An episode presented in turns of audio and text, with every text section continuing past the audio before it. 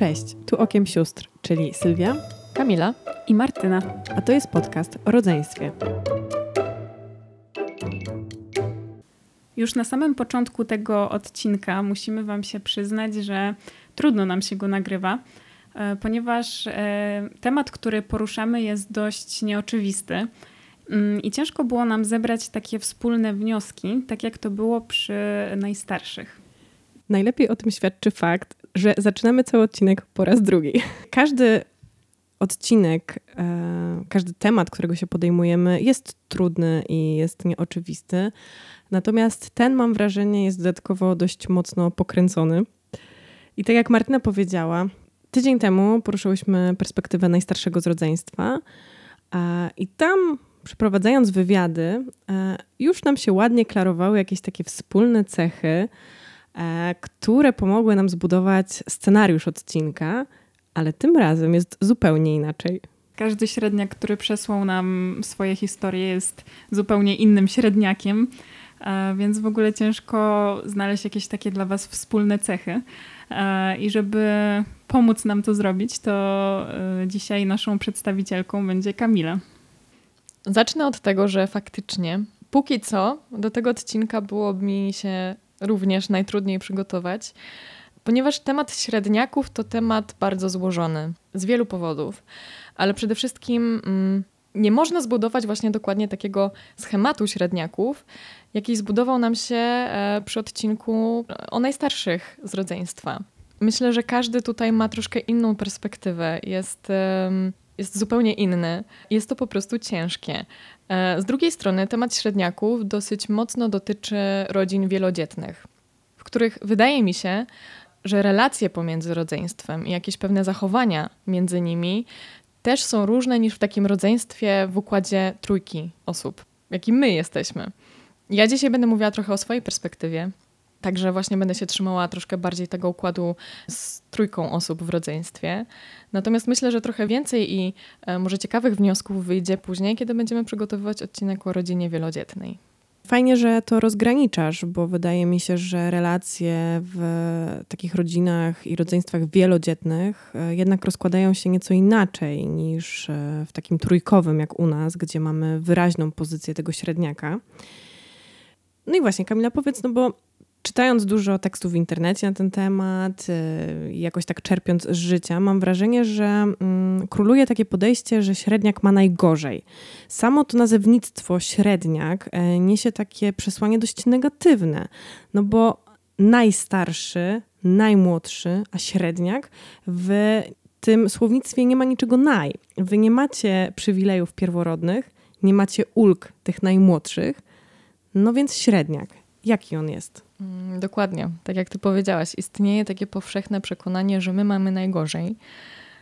I ja nie do końca odpowiem ci na pytanie, jaki jest średniak. Nie da się odpowiedzieć na to pytanie. Dokładnie dlatego, że, tak jak powiedziałam, każdy tu ma inną perspektywę. To zależy od e, ilości osób w rodzinie, od wychowania rodziców, od relacji e, między rodzeństwem. I mam wrażenie, że to wszystko wpływa na to, że każdy średniak jest po prostu zupełnie inny. Czy mamy przechlapane? No, W sumie odpowiedziałabym, że i tak i nie, Mm, ponieważ miałyśmy zupełnie różne mm, głosy, jeśli o to chodzi. Część osób w ogóle uważała, że nie, że bycie średniakiem jest super, że nie zamieniliby tego na nic innego, a inni uważali wręcz odwrotnie, że na przykład woleliby być starsi, bo jednak masz wtedy tę określoną rolę, której nie masz przy byciu dzieckiem środkowym. Dokładnie. Mamy tutaj e, nawet dwa bardzo fajne cytaty, ale dwa bardzo różne cytaty, które pokazują odmienne perspektywy, jeżeli chodzi o bycie średnim dzieckiem. Nie zgodzę się, ponieważ nie odczuwałem tego tak źle. Wręcz przeciwnie, cieszyłem się, że mam młodszego brata, dla którego mogę być wzorem i pomagać mu, a jednocześnie patrzeć, jak zachowuje się starsza siostra i wyciągać wnioski na przyszłość. Czy poleciłbym komuś bycie średniakiem? Chyba nie. Chyba wolałbym być najstarszy. To jest trochę tak jak zdobywanie szczytu w górach. Jak idziesz tam pierwszy, to masz pełne pole do podpisu. Ty wytyczasz szlak, jesteś sam sobie przewodnikiem, ale już osoba, która będzie wchodzić po tobie, chcąc nie chcąc, będzie trochę iść po twoich śladach. Będzie do tego zmuszona. Która perspektywa jest ci bliższa? W jakiś sposób na pewno obydwie, no bo jednak nie byłam tą młodszą siostrą. E, pewne szlaki miałam przetarte i być może w niektórych rzeczach nawet chciałabym, chciałam być pierwsza. Natomiast mi osobiście bardziej bliższa jest e, pierwsza wypowiedź, dlatego że ja faktycznie nie odczułam, że bycie środkowym dzieckiem jest aż tak złe. Nie miałam takiego poczucia nigdy. Faktycznie muszę się przyznać, że trochę ten syndrom, syndrom średniaka mam. Myślę, że to troszkę wyjdzie w całym odcinku. Ale to nie było wcale takie złe. To ja się nie zgodzę z tym wszystkim, co mówią te artykuły, e, co mówią ludzie, że, że no my mamy tak przechlapane. Wcale tak nie jest. A to nie jest trochę tak, że um, rodząc się średniakiem jesteś z góry na jakiejś takiej bardziej wygodnej pozycji, bo jesteś i tym starszym, i tym młodszym? Nie wiem, czy nazwałabym to wygodną pozycją. Jest to na pewno zupełnie inna pozycja niż najstarszy, najmłodszy. Bo nam jest troszkę trudno określić e, rolę. Na pewno jest to o tyle fajne, że my mamy pewne takie umiejętności adaptacji e, i przystosowania się do różnych środowisk. E, I tutaj chciałabym przytoczyć cytat. Środkowy musi się adaptować do otaczających go ludzi. Musi umieć rozmawiać z koleżankami i kolegami starszaków i maluchów, inaczej czasami nie będzie miał się z kim bawić. Nie mam najmniejszych problemów z poznawaniem nowych ludzi i jestem przekonany, że to między innymi dzięki mojej środkowości. Ludzie generalnie mnie lubią, ja ich zresztą też. I to jest trochę to, o czym mówiłyśmy chyba w pierwszym odcinku, że dość wcześnie zaczęłyśmy mieszać e, nasze wspólne towarzystwo. Ja miałam od początku kontakt z, ze znajomymi Sylwii i umiałam się z nimi dogadać, ale jednocześnie dużo bawiłam się z Martyną. E, my byłyśmy przez parę lat w jednej szkole.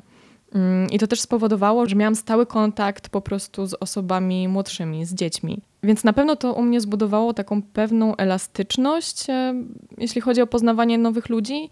Ja jestem z natury nieśmiała, ale lubię poznawać nowe osoby, nie mam z tym problemu.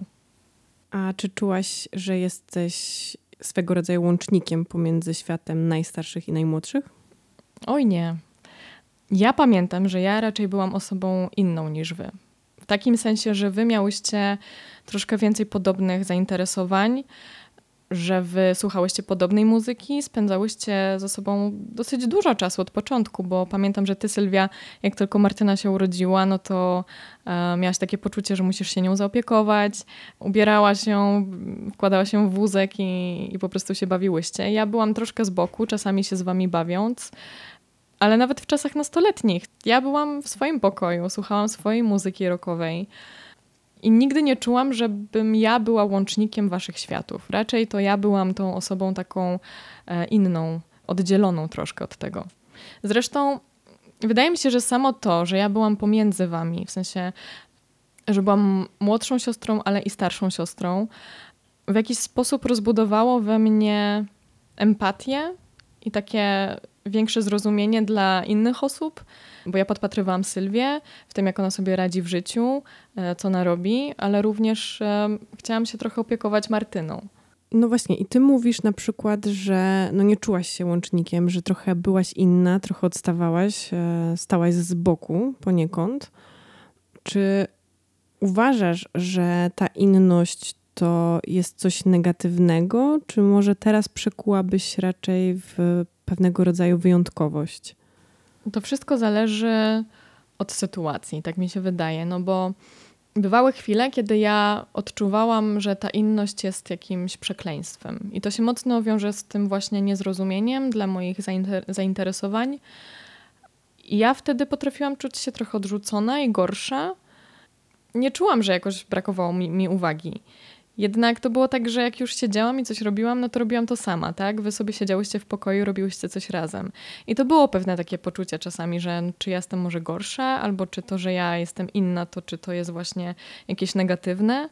Natomiast ja też y, postrzegałam to jako coś wyjątkowego. E, no bo jak szłam i pokazywałam rodzicom jakieś moje prace, jakieś rzeczy, które zrobiłam, albo nawet wam i to się podobało innym. To było takie moje pięć minut, e, a wy tego nie miałyście. Wy nie robiłyście prac, które, których, które mogłyście pokazać innym. Mm, I ja wtedy czułam, że okej, okay, może jestem inna, ale tylko ja to posiadam i to jest pewnego rodzaju takie e, wyjątkowe. Jakaś rekompensata za to, że może na co dzień nie byłaś na widoku, ale potem jak przywaliłaś, to już no, z grubej rury, tak? Czyli tak. chodzisz na scenę, śpiewasz Adele, a ja z Martyną zbieram szczękę z podłogi. tak, to jest bardzo w ogóle fajne wspomnienie, e, jak w czasach nastoletnich śpiewałam w zespołach ja miałam te koncerty, no i to też właśnie było to moje przysłowiowe pięć minut, tak? Ta uwaga skupiała się na mnie. Natomiast e, tak jak ty to postrzegasz trochę jako właśnie takie, taką rekompensatę, to dla mnie to, wiesz, to były takie bardzo silne emocje, że ja też schodząc z tej sceny, jako ta nastolatka, to miałam takie poczucie, o Boże, to źle zaśpiewałam, to źle zrobiłam, więc ja potrafiłam sama siebie trochę też krytykować i wtedy nie postrzegałam, nie, nie postrzegałam tego jako odbijanie sobie tego braku uwagi. Może teraz, jak się nad tym zastanowię, to faktycznie, że, że ja wtedy budowałam w sobie to, że słuchajcie, patrzcie teraz na mnie, to, to teraz jest moja chwila. Natomiast to nie jest tak, że każde, każde dziecko środkowe jest y, artystą.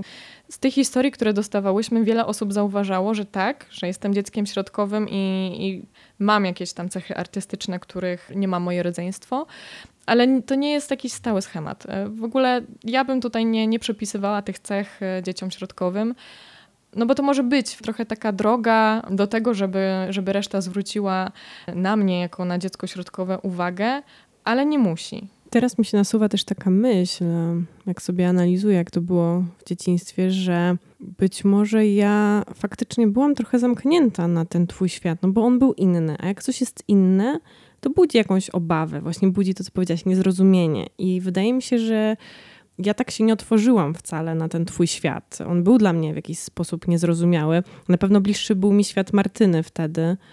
I byłam na ciebie chyba jakoś zamknięta. Dzisiaj sobie myślę, że ja nawet nie znałam wtedy tego twojego świata. Nie wiem, jak ty masz, Martyna. Mm, no ja jak tak teraz o tym myślę, to trochę mam wrażenie, że to ja byłam tym łącznikiem, jeśli chodzi o naszą trójkę. E, bo właśnie ja zawsze byłam bardzo podobna do ciebie, Sylwia, i gdzieś tam ten, ten świat razem wspólnie zgłębiałyśmy i łączyłyśmy. E, a jeżeli chodzi o Kamilę, to ona, mam wrażenie, że ona mi pokazywała właśnie te nowe, dziwne rzeczy. Wiecie, jakieś, e, jakąś właśnie odmienną muzykę, rockową na przykład, albo jakiś tam inny sposób ubierania się, bo ty zawsze miałaś, Sylwia, taki bardzo dziewczęcy, a Kamila w pewnym momencie miała taki Mroczny. Mroczny, tak. Mroczny, ty byłaś emo. No bez przesady. Emo nie byłam. E, bardziej bym powiedziała, że byłam właśnie rokowa, ale tak, no, przez, przez pewien czas w moim życiu ubierałam się głównie na czarno. E, nie lubiłam sukienek, więc e, wiecie, no ja uważam też, że okej, okay, faktycznie może masz poczucie, że nie rozumiałaś mojego, mojego świata, ale no były takie sytuacje, w których ja widziałam, że w jakiś sposób może nie tyle co rozumiesz, ale starasz się trochę pomóc mi tym moim skomplikowanym świecie. No na przykład taka historia, że ja kiedyś jako tam dziecko jeszcze siedziałam i rysowałam i próbowałam narysować rękę i patrzyłam sobie na tę rękę, na swoją dłoń e, z różnych stron i, i, nie wiedziałam, jak ja mam to zrobić, a ty to zobaczyłaś i po prostu podeszłaś, podałaś mi swoją rękę od, od tej perspektywy, która była mi potrzebna i ją sobie rysowałam i to były takie szczegóły, które jak sobie dzisiaj o nich pomyślę, to jest takie miłe, że może my nie rozumiałyśmy się nawzajem aż tak, jeśli chodzi o jakieś nasze obowiązki, zainteresowania, ale no było to takie wyciąganie ręki przysłowiowe, tak? Było takie, taka przynajmniej próba pomocy może drugiej osobie. Ale to niesamowite, bo ja zupełnie tej sytuacji nie pamiętam. Zobacz, dla ciebie to było coś tak istotnego. Dla mnie być może wtedy tak zwykłego, bo po prostu wyciągnęłam tę dłoń, tę rękę pomocną do ciebie, ale dzisiaj nie pamiętam tego. No właśnie, i to też myślę, że fajnie pokazuje, że jednak takie, że było mi to potrzebne, jak byłam dzieckiem, tak? Czyli takie mm, jakieś pokazanie, że okej, okay, że ten, ten twój świat jest okej, okay, ja go w jakiś sposób rozumiem. No czy tak było? No nie do końca. No sam, sama mówisz, że, że my nie, nie zawsze siebie rozumiałyśmy w tym. Ale nie wiem, ja tego nie postrzegam jakoś bardzo negatywnie. Myślę, że na pewno to się trochę odbiło w mojej podświadomości. Zresztą na terapii o tym rozmawiam i, i czasami przychodzą do mnie rzeczy, o których w ogóle albo nie pamiętałam, albo nie zdawałam sobie sprawy, że mogły mieć jakiś wpływ na mnie. Okazuje się, że jednak tak. Natomiast tak patrząc na to w ogóle, to nie, to nie było dla mnie takie negatywne. Bycie środkowym dzieckiem miało ten minus, że z obu stron wszyscy w rodzinie chcieli się mnie radzić. Jeśli matka chciała coś od starszej siostry, próbowała mnie przekonać, żebym wywarła na nią wpływ i to samo, gdy chciała do czegoś nakłonić mojego młodszego brata. Nie widziałam nigdy, żeby rodzice wywierali taki sam rodzaj nacisku na moje rodzeństwo. No właśnie, mówisz, że nie czułaś się łącznikiem pomiędzy naszymi światami, najmłodszym, najstarszym. Natomiast bardzo powszechne też jest przekonanie, że średnie dziecko jest takim negocjatorem w rodzinie. Czy ty byś się przypisała do takiej roli? Ja osobiście nie. Nie czuję się i nigdy się nie czułam e, jakąś większą mediatorką niż wy, bo u nas to raczej było tak, że my razem sobie radziłyśmy z problemami, razem doradzałyśmy sobie, jakoś wychodziłyśmy z, z różnych kłótni. U mnie to bardziej objawiało się tym, że ja byłam takim obserwatorem i jestem troszkę takim obserwatorem, że czasami pewne sytuacje e, i u nas w rodzinie, ale też i poza rodziną, tak e, oceniam bardziej obiektywnie, że ja nie zawsze jestem w tych e, samych emocjach, co na przykład wy. I ja czasami może nawet do czegoś podchodzę zbyt chłodno, ale tak, ale bardziej obiektywnie. Natomiast nie czułam się nigdy mediatorką. Ale to jest moja perspektywa, ponieważ dzieci środkowe bardzo często są tymi e, łącznikami, tym, tymi os osobami, które e, negocjują, mediują. I tutaj mam jeden cytat, który to w jakiś sposób potwierdza. Rodzeństwo również zwykle przychodziło z problemami do mnie i podejrzewam, że wpływ na to może mieć fakt, że jestem pośrodku, czyli jest między nami najmniejsza różnica wieku. Ciężko być mediatorem, więc podejrzewam, że miało to obciążający wpływ, bo w tym wieku nie jest się do tego przygotowanym. I tutaj ktoś fajnie zaznaczył to, że kiedy jest się w środku, to różnica wieku między tą osobą a resztą rodzeństwa jest po prostu najmniejsza. Dlatego czasami jest nam najłatwiej się dogadać. U nas akurat było tak, jak powiedziałam, to, że, że wy się fajnie dogadywałyście, że miałyście też swój świat, miałyśmy we trójkę jakiś taki wspólny świat. Natomiast nie jest tak zawsze. Bardzo często jest, e, zdarza się, że pomiędzy najstarszym a najmłodszym jest taka różnica wieku, że no po prostu nie, nie idzie się dogadać. E, wy zresztą też miałyście trochę taką relację opartą na tym, że Martyna się słuchała ciebie, bo ty byłaś najstarsza, mm, a ja byłam tą siostrą, trochę koleżanką. Dzieci środkowe oczywiście nie muszą, ale mogą mieć e, po prostu troszkę większe zdolności do właśnie takiego negocjowania, do dbania o relacji w ogóle w rodzinie i mogą być troszkę bardziej skore do kompromisów, właśnie przez to, że no, czasami niektórzy przychodzą się ich radzić. Pamiętam, że jeszcze w jednej z historii było powiedziane, że gdy najstarsza siostra przechodziła przez okres buntu, mm, no to mama przechodziła do niej, do tego dziecka środkowego po to, żeby po prostu ta osoba mogła wpłynąć jakoś na starszą siostrę, tak? No więc to w jakiś sposób wszystko się łączy. Ja na przykład pamiętam, że też miałam zupełnie inną relację z Sylwią niż z Martyną. E, my z Sylwią znacznie częściej siedziałyśmy i coś planowałyśmy, organizowałyśmy albo rozmawiałyśmy o tym, co się dzieje u mnie, co się dzieje u naszych znajomych, w ogóle wokół. A z Martyną znacznie częściej się wygłupiałam, bawiłam się no bycie środkowym ma swoje plusy i minusy. Wydaje mi się, że w jakiś sposób faktycznie to jest tak, że nam jest troszkę łatwiej dotrzeć do tego rodzeństwa, no bo przede wszystkim no, ta różnica wieku jest zupełnie inna, jest mniejsza. To jest chyba właśnie ta różnica w roli w stosunku do najstarszych. Natomiast też nie do końca się zgodzę z tym, co powiedziałaś, że mm, ty nie byłaś takim mediatorem, bo mi się wydaje, że to wszystko zależało od stron w konflikcie w naszej rodzinie. Zależy, kto był skonfliktowany z kim. I ta twoja umiejętność bycia w trochę innych emocjach, może bardziej obiektywnych niż ja i Martyna, właśnie wtedy pozwalała ci mediować między poszczególnymi osobami. Jestem w stanie się z tym zgodzić, natomiast ja prawdopodobnie tego nie, nie zauważałam w tych sytuacjach. Myślę, że bardziej po prostu patrzyłam zawsze na to jako właśnie ten ogół tych wszystkich lat, że, że jesteśmy we trójkę i my ze, sobie ze wszystkim razem radzimy, ale faktycznie, jak sobie teraz o tym pomyślę, no to być może to takie moje niebycie do końca w tych wszystkich wspólnych emocjach, bycie troszkę bardziej obiektywną, no faktycznie mogło prowadzić do tego, że ja czasami stawałam w roli takiej osoby, że słuchajcie, dobra, ale teraz zróbmy tak, Spójrzmy na to w inny sposób. Co też się wiąże z takim minusem, że ja czasami czuję no, niezrozumienie ze strony innych osób. I no, jest to naturalne, tak, że jak jesteśmy w jakichś emocjach i jedna osoba nagle mówi, ej, słuchajcie, bo ja to trochę widzę inaczej, no to ja muszę czasami udowadniać swój punkt widzenia. Jest to uciążliwe, ale, no ale Nie jest to coś najgorszego w życiu. No ale było to jakieś ściąganie na ziemię. Kiedy my z Martyną tkwiłyśmy w jakichś negatywnych emocjach, trzymając się swojego punktu widzenia, faktycznie ty, Kamila, potrafiłaś często powiedzieć, ej, ale może podejdźmy do tego inaczej. Chociaż no ja pamiętam wiele sytuacji, w których, no nie wiem, wy robiłyście podobnie, albo Martyna tak robiła, więc no ja nie powiem, że tutaj ta rola należy tylko do mnie, no ale faktycznie jest coś w tym, że, e, że potrafię spojrzeć na coś troszkę inaczej. A z perspektywy tego średniego dziecka miałaś takie poczucie braku uwagi albo odrzucenia ze strony rodziców, którzy się zajmowali bardziej już tym najmłodszym dzieckiem? Nie przypominam sobie, żebym miała um, za mało uwagi ze strony rodziców. E, tutaj dotykamy bardzo ważnego punktu, którym też chciałabym, który chciałabym rozwinąć. Po pierwsze, zaznaczę, że w ogóle e, raczej większość osób, która pisała mi o byciu środkowym dzieckiem, podkreślała, że nie odczuwała braku uwagi ze strony rodziców. Raczej się z tym nie spotkałam.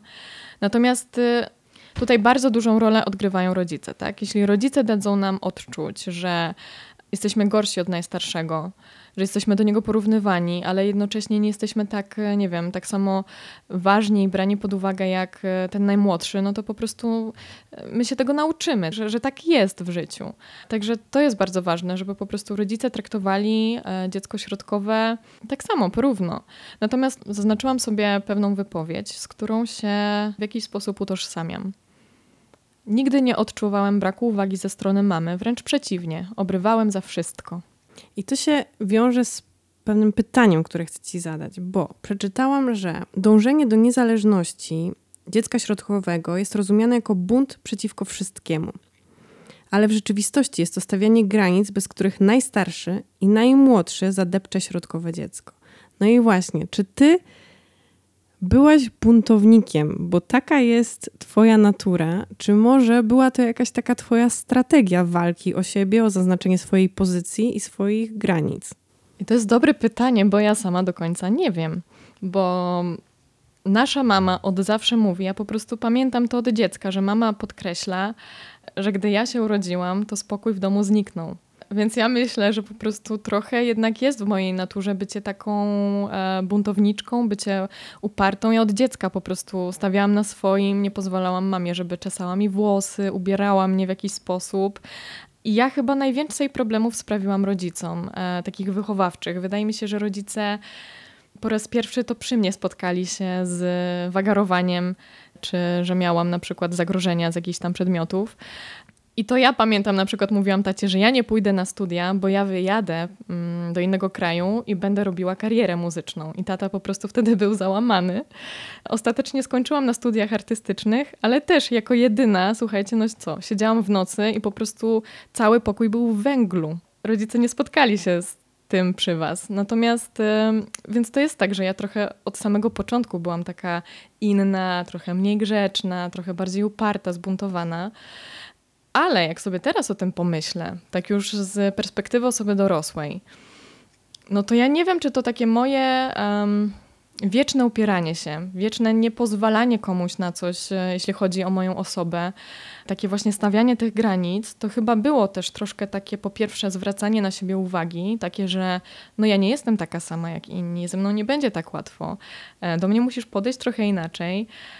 I myślę, że z drugiej strony to, to też było to właśnie to, o czym ty mówisz, czyli że ja musiałam po prostu pokazać innym, jaka ja jestem, postawić te granice, bo inaczej, nie wiem, może to było trochę tak, że bałam się, że wszyscy będą patrzeć na mnie przez pryzmat ciebie, Sylwia, że i tak już byłam porównywana do najstarszego, więc trochę bałam się, że jeśli ja nie pokażę tej swojej inności, to że ja po prostu zostanę trochę zmieszana z, i z tobą, no i z Martyną, no bo Martyna była tym słodkim dzieckiem, tym trochę rozpieszczanym. I ja nie wiem, czy ja się. Nie miałam takiej obawy, że po prostu jeśli ja nie zaznaczę tej odmienności, no to wtedy właśnie będę nijaka. Ale a propos właśnie tego braku uwagi, no to chciałabym tutaj e, zaznaczyć, że jest to problem, który się zdarza, jeśli chodzi o dzieci środkowe, że rodzice potrafią za bardzo się, no wiadomo, na początku interesować najstarszym, no bo jest pierworodnym, mm, a potem przychodzi to najmłodsze i um, no, trzeba poświęcić, poświęcić mu po raz kolejny dużo uwagi. I dziecko środkowe może się przy tym poczuć tak e, zapomniane, że e, gdzie w tym wszystkim jestem ja. i na przykład może przez to stawia, stwarzać problemy, jeśli chodzi o wychowanie. Może szukać czegokolwiek, co po prostu przyciągnie uwagę innych, tylko po to, żeby przypomnieć o sobie, powiedzieć: Hej, ja tu też jestem. No właśnie, i mamy tutaj e, taką wypowiedź, która potwierdza to, co mówisz. Byłem tak absorbującym i upierdliwym gnojem, że nie było szans, żeby nie poświęcać mi uwagi. Widać po prostu to wymuszałem. No właśnie, i czy to jest e, natura, czy to jest taktyka, którą ten środkowy, czy w ogóle młodszy bardzo szybko chwyta, że ona działa i wprowadza w życie. Myślę, że też dowiemy się trochę więcej na ten temat, kiedy przyjdzie odcinek o najmłodszych i być może wtedy wyjdzie, że to jest jednak jakaś taktyka. Bo z jednej strony oczywiście uważam, że to też wiele zależy od osoby, od jej charakteru, no bo jeśli się już urodzimy uparci, no to naturalnie będziemy e, więcej takich sytuacji stwarzać, które zwracają na nas uwagę. Jednak no, średniaki mają tendencję do do różnych sposobów zwracania na siebie uwagę. No, u mnie była to przede wszystkim sztuka. E, dla mnie właśnie, tak jak mówiłam, to, że ja przechodziłam ze swoimi pracami, to było moje pięć minut. Wy nie byłyście tak artystyczne, więc e, ja wtedy czułam się wyjątkowa. No ale tak, no jak były jakieś ze mną problemy, no to też to było to zwracanie uwagi na siebie. Natomiast e, Istnieje taka szansa, że jeśli dziecku środkowemu nie poświęca się wystarczająco e, dużej ilości uwagi, no to ono zacznie być po prostu, nie wiem, niegrzeczne, zacznie stwarzać problemy wychowawcze. Mogą starać się być zawsze tam, gdzie są tylko potrzebne i po prostu próbować pomóc tylko po to, żeby ktoś je zauważył.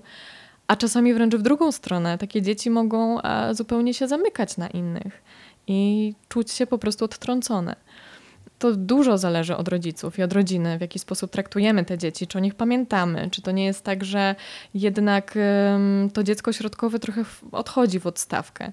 No jeśli tak jest, jeśli się na tym złapiemy, no to warto się nad tym zastanowić, czy czy nie wiem, czy wszelkie problemy wychowawcze, czy może e, to, że dziecko jest zamknięte, czy może na przykład zbyt e, często wychodzi z domu, e, albo zawsze gdzieś tam przy nas jest, no, czy to wszystko nie jest trochę takim wołaniem o to, że halo, ja też jestem, nie zapominajcie o mnie. Chciałam Cię zapytać jeszcze o taką jedną rzecz. Do mnie to doszło podczas którejś z rozmów, jeszcze zanim zaczęłyśmy nagrywać ten podcast, i Ty na to zwróciłaś uwagę a mianowicie o kwestię dziedziczenia ubrań i rzeczy po starszym rodzeństwie. Ja tego zupełnie nie znam. Ja w zasadzie nie dziedziczyłam żadnych rzeczy, wszystko miałam nowe, wszystko miałam pierwsze. Natomiast ty miałaś całą masę spadów. Jak się do tego odniesiesz w kwestii w ogóle takiego budowania swojej tożsamości? Fajnie, że zwróciłaś na to uwagę, no bo to jest to faktycznie jest tak, że ja po tobie miałam dużo rzeczy. Ja po tobie miałam ubrania, miałam po tobie buty, jakieś, nie wiem, rzeczy do pokoju czasami też się zdarzały. I faktycznie zawsze, okej, okay, z jednej strony zazdrościłam ci, że ty masz fajne ciuchy, że ty masz coś nowego i tak dalej, więc potem jak ja coś dostawałam, no to z jednej strony było to przyjemne, natomiast y, po paru latach na przykład to nie nadawało się do, do kolejnego użycia i Martyna już miała nową rzecz. I to czasami powodowało takie poczucie, że ja też bym chciała mieć coś takiego swojego, coś nowego, coś, co od początku należałoby tylko do mnie. I u mnie takie budowanie swojej własnej tożsamości, takiej, takiego poczucia, kim ja w ogóle jestem, no to myślę, że to już raczej w takich latach nastoletnich, takie troszkę późniejsze w ogóle lata nastoletnie, kiedy ja już mogłam sobie sama kupić te ubrania. Kiedy ja poszłam do sklepu, już trochę wiedziałam bardziej, co ja lubię, ale miałam tę możliwość po prostu, nie wiem, kieszonkowe i mogłam to zrobić.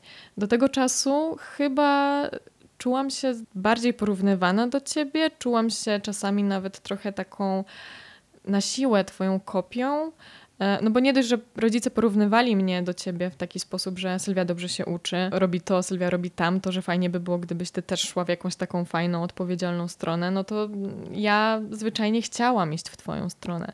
Tylko, że mi się to po prostu nie zgadzało z tym, jaka ja byłam. I wydaje mi się, że przez to, że po prostu dziedziczyłam wiele rzeczy po tobie, spowodowało, że ja znacznie później zaczęłam budować taki swój E, tylko i wyłącznie mój charakter, oparty na tym, co ja lubię, co ja bym chciała, e, na swoich ubraniach, na swoim stylu. E, myślę, że to zajęło mi po prostu, że to była dłuższa droga niż na przykład u ciebie. Mówiłaś, że jako dziecko miałaś problem z określeniem swojej tożsamości i roli w rodzeństwie. I czy to nie jest trochę tak, że to się wiąże z tym, że raz wy średniacy słyszycie, że jesteś za duży e, na coś tam, a potem, że jesteś za mały. E, tak jak tutaj e, w jednej historii się pojawiło, pojawiło, że słyszałem, jesteś trochę już na tyle duży, że możesz zrobić coś za nich młodszych. Bądź dobrym starszym bratem i zajmij się młodszym rodzeństwem, daj im dobry przykład, to ty ustąp, jesteś starszy i tak dalej. Z kolei nigdy nie byłem na tyle duży, żeby robić te fajne rzeczy ze starszakami i miałem wrażenie, że oni nie słyszeli tych fraz tyle co ja, przez co jakiś negatywny obraz tych starszych mi się utrwalił. E, no ja na pewno odczuwałam pewne ograniczenie przez swój wiek, bo tak jak tutaj w tym, w tym cytacie, czasami miałam poczucie, że Sylwia coś może, bo jest starsza, a ja nie mogę, bo jestem młodsza, a jednocześnie potem potrafiłam usłyszeć, że no, ale jaki ty przykład dajesz Martynie? Więc tak jak już mówiłam, ja nie, nie jestem w stanie i być może nigdy nie będę e, tak e, po prostu jednoznacznie określić swojej roli w rodzeństwie. No, nie jest to łatwe.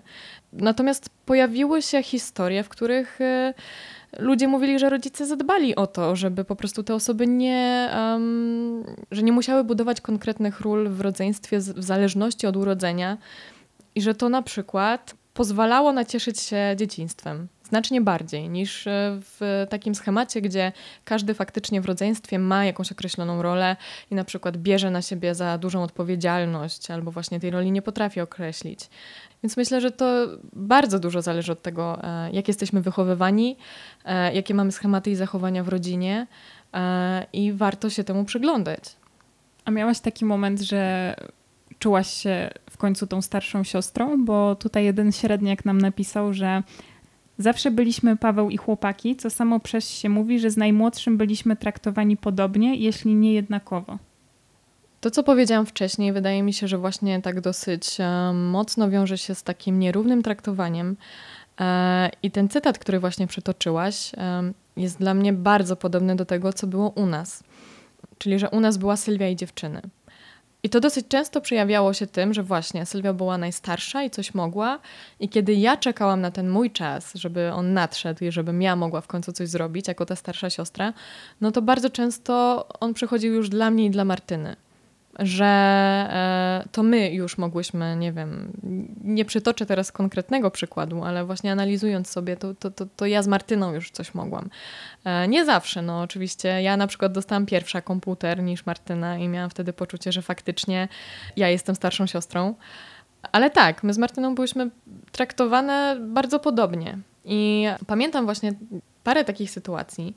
E, jedną z nich jest, był nasz wspólny wyjazd z rodziną, e, kiedy pojechałyśmy z naszymi rodzicami i z ich znajomymi i ich dziećmi gdzieś za granicę. I tam była dziewczynka, która była w moim wieku. I ta dziewczynka się dosyć e, mocno zaprzyjaźniła z Sylwią.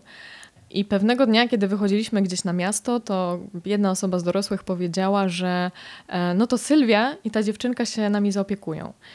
No ja wtedy pomyślałam, ale dlaczego? Jakby przecież ja jestem w tym samym wieku. Mnie to bardzo zabolało, bo ja również chciałam mieć to poczucie, że ja jestem starsza i od Martyny, i od reszty dzieci. A no właśnie, być może właśnie dlatego, że jesteśmy rodzeństwem, ja byłam traktowana razem z Martyną e, często na tym samym poziomie i było to krzywdzące. Natomiast nie wiem, czy wy a propos nierównego traktowania, nie wiem, czy wy pamiętacie swoje komunie. No ja pamiętam i dzisiaj mi się ona jawi trochę jako takie małe wesele.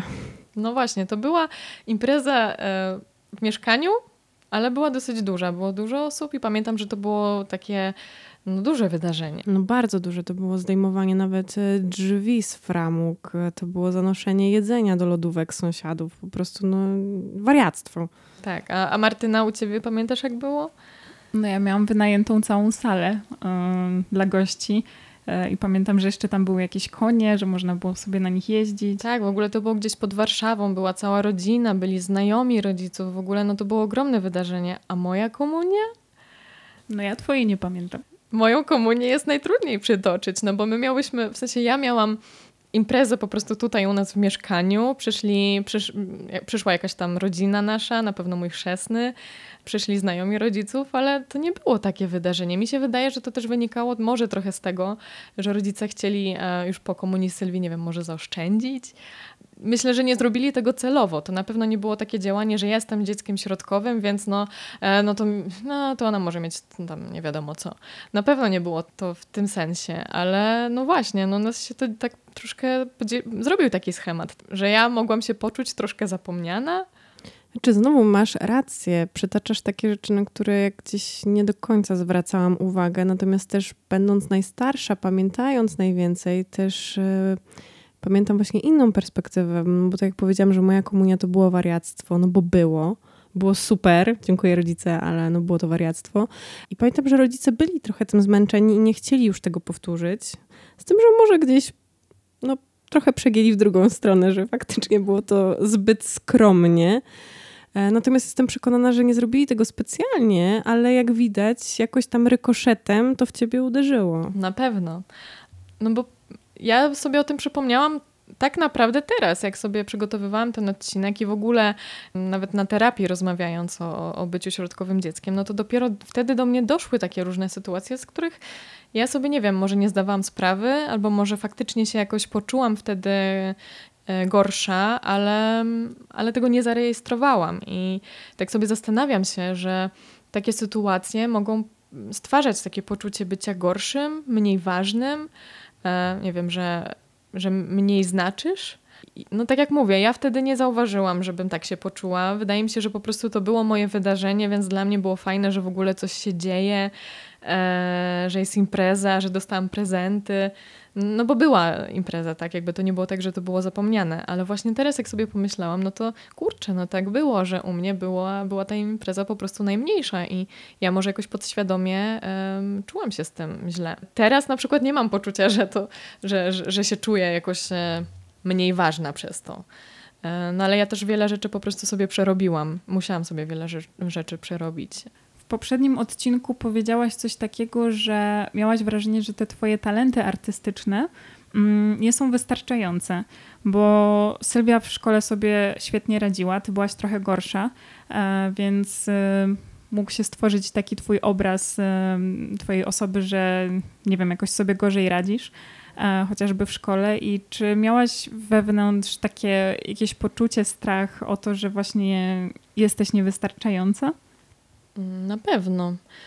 E, ja chyba przez całe dzieciństwo e, byłam porównywana do Sylwii, e, bo Sylwia była grzeczna, bo Sylwia dobrze się uczyła, miała świadectwa z czerwonym paskiem. Ja chyba raz w życiu tylko mi się udało mieć świadectwo z czerwonym paskiem. I chyba miałam zawsze takie poczucie, że ja jestem troszkę niewystarczająca tak jak powiedziałam wcześniej, trochę było tak, że wszyscy zawsze mówili, że ja jestem taka zdolna, że ja tak ładnie rysuję, że ja tak ładnie śpiewam, ale gdy przychodziło co do czego, przynosiłam dwóje, no to nagle się okazywało, że te moje umiejętności no tak jakby znikały nagle. Nikt nigdy nie powiedział, że o rany, no masz dwóje, no ale dobra, no to ale fajnie rysujesz, no to z tym kiedyś coś będziesz robiła. Ja nigdy czegoś takiego nie usłyszałam. Ja bardziej słyszałam właśnie, że e, dlaczego ty w ogóle nie jesteś w stanie tego pojąć, jakby dlaczego ty się nie uczysz wystarczająco. I to budowało takie poczucie, że, że ja jestem gorsza, nie wiem, że, że mniej znaczę. Tutaj też mam taką wypowiedź. Przez to wszystko teraz, kiedy jestem już dorosły, albo przynajmniej pełnoletni, i w miarę niezależny, mam duży problem z porównywaniem mnie do innych. Nie cierpię, jak ktoś mnie do kogoś porównuje. I ja też to trochę mam. Jak ja słyszę, że ktoś mnie do kogoś porównuje, to ja najpierw muszę sobie zdusić takie okej okay, Kamila, nie ma w tym nic złego i dopiero potem działać, bo myślę, że po prostu ja trochę mam właśnie taki, takie flashbacki z dzieciństwa, kiedy słyszałam cały czas, że nie jestem wystarczająca. E, I to bardzo e, ma wpływ na to, jacy, jacy potem jesteśmy. No to jest cecha, która jest raczej przypisana wszystkim młodszym dzieciom, niestety. Tak, to też prawda. Okej, okay. jak widać, znowu jest to wszystko bardzo trudne i przed rodzicami bardzo ciężki orzech do zgryzienia. Ale mam do ciebie pytanie, właśnie, co zrobić, żeby wychować szczęśliwego średniaka? Hmm, nie jestem pewna, czy wszystkie rzeczy, które powiem, no to będą tak um, idealnymi radami, ponieważ ja nie jestem rodzicem, nie jestem ekspertką. Natomiast wydaje mi się, że na przykład kupować rzeczy dziecku, które będą tylko i wyłącznie jej lub jego czyli to, o czym mówiłam, tak, że kiedy mamy swoje rzeczy, nie mamy tylko rzeczy po starszym rodzeństwie, no to trochę nam się buduje takie poczucie, że my mamy coś swojego, że my możemy mieć rzeczy, które nam się podobają. No budujemy po prostu jakąś taką własną tożsamość. Druga rzecz to przede wszystkim rozmowa. Jest to niby um, taka oczywista rzecz, tak? No, wszyscy rozmawiamy, no ale, ale jednak nie rozmawiamy o tym, co nas gryzie, nie, nie pytamy, czy brakuje ci uwagi. No myślę, że dzieci też nie będą w stanie do końca odpowiedzieć na te pytania. Natomiast myślę, że każdy rodzic doskonale zna swoje dziecko. I kiedy widzi, że coś jest nie tak, kiedy coś się dzieje, no to spytajmy o to. Może zapytajmy, w jaki sposób pomóc to, co jest mi dosyć bliskie i uważam, że to jest bardzo fajne, co można zrobić, jeśli chodzi o dzieci środkowe i, i, i w jaki sposób zadbać o, o tę uwagę, no to zaszczepianie w dziecku pasji i zwracanie uwagi na postępy, żeby dziecko mogło poczuć się takie jedyne i dobre w czymś, tak? Czyli tak jak u mnie była to ta sztuka, że ja rysowałam, śpiewałam, przechodziłam z tym i wtedy słyszałam, że wszyscy się cieszą.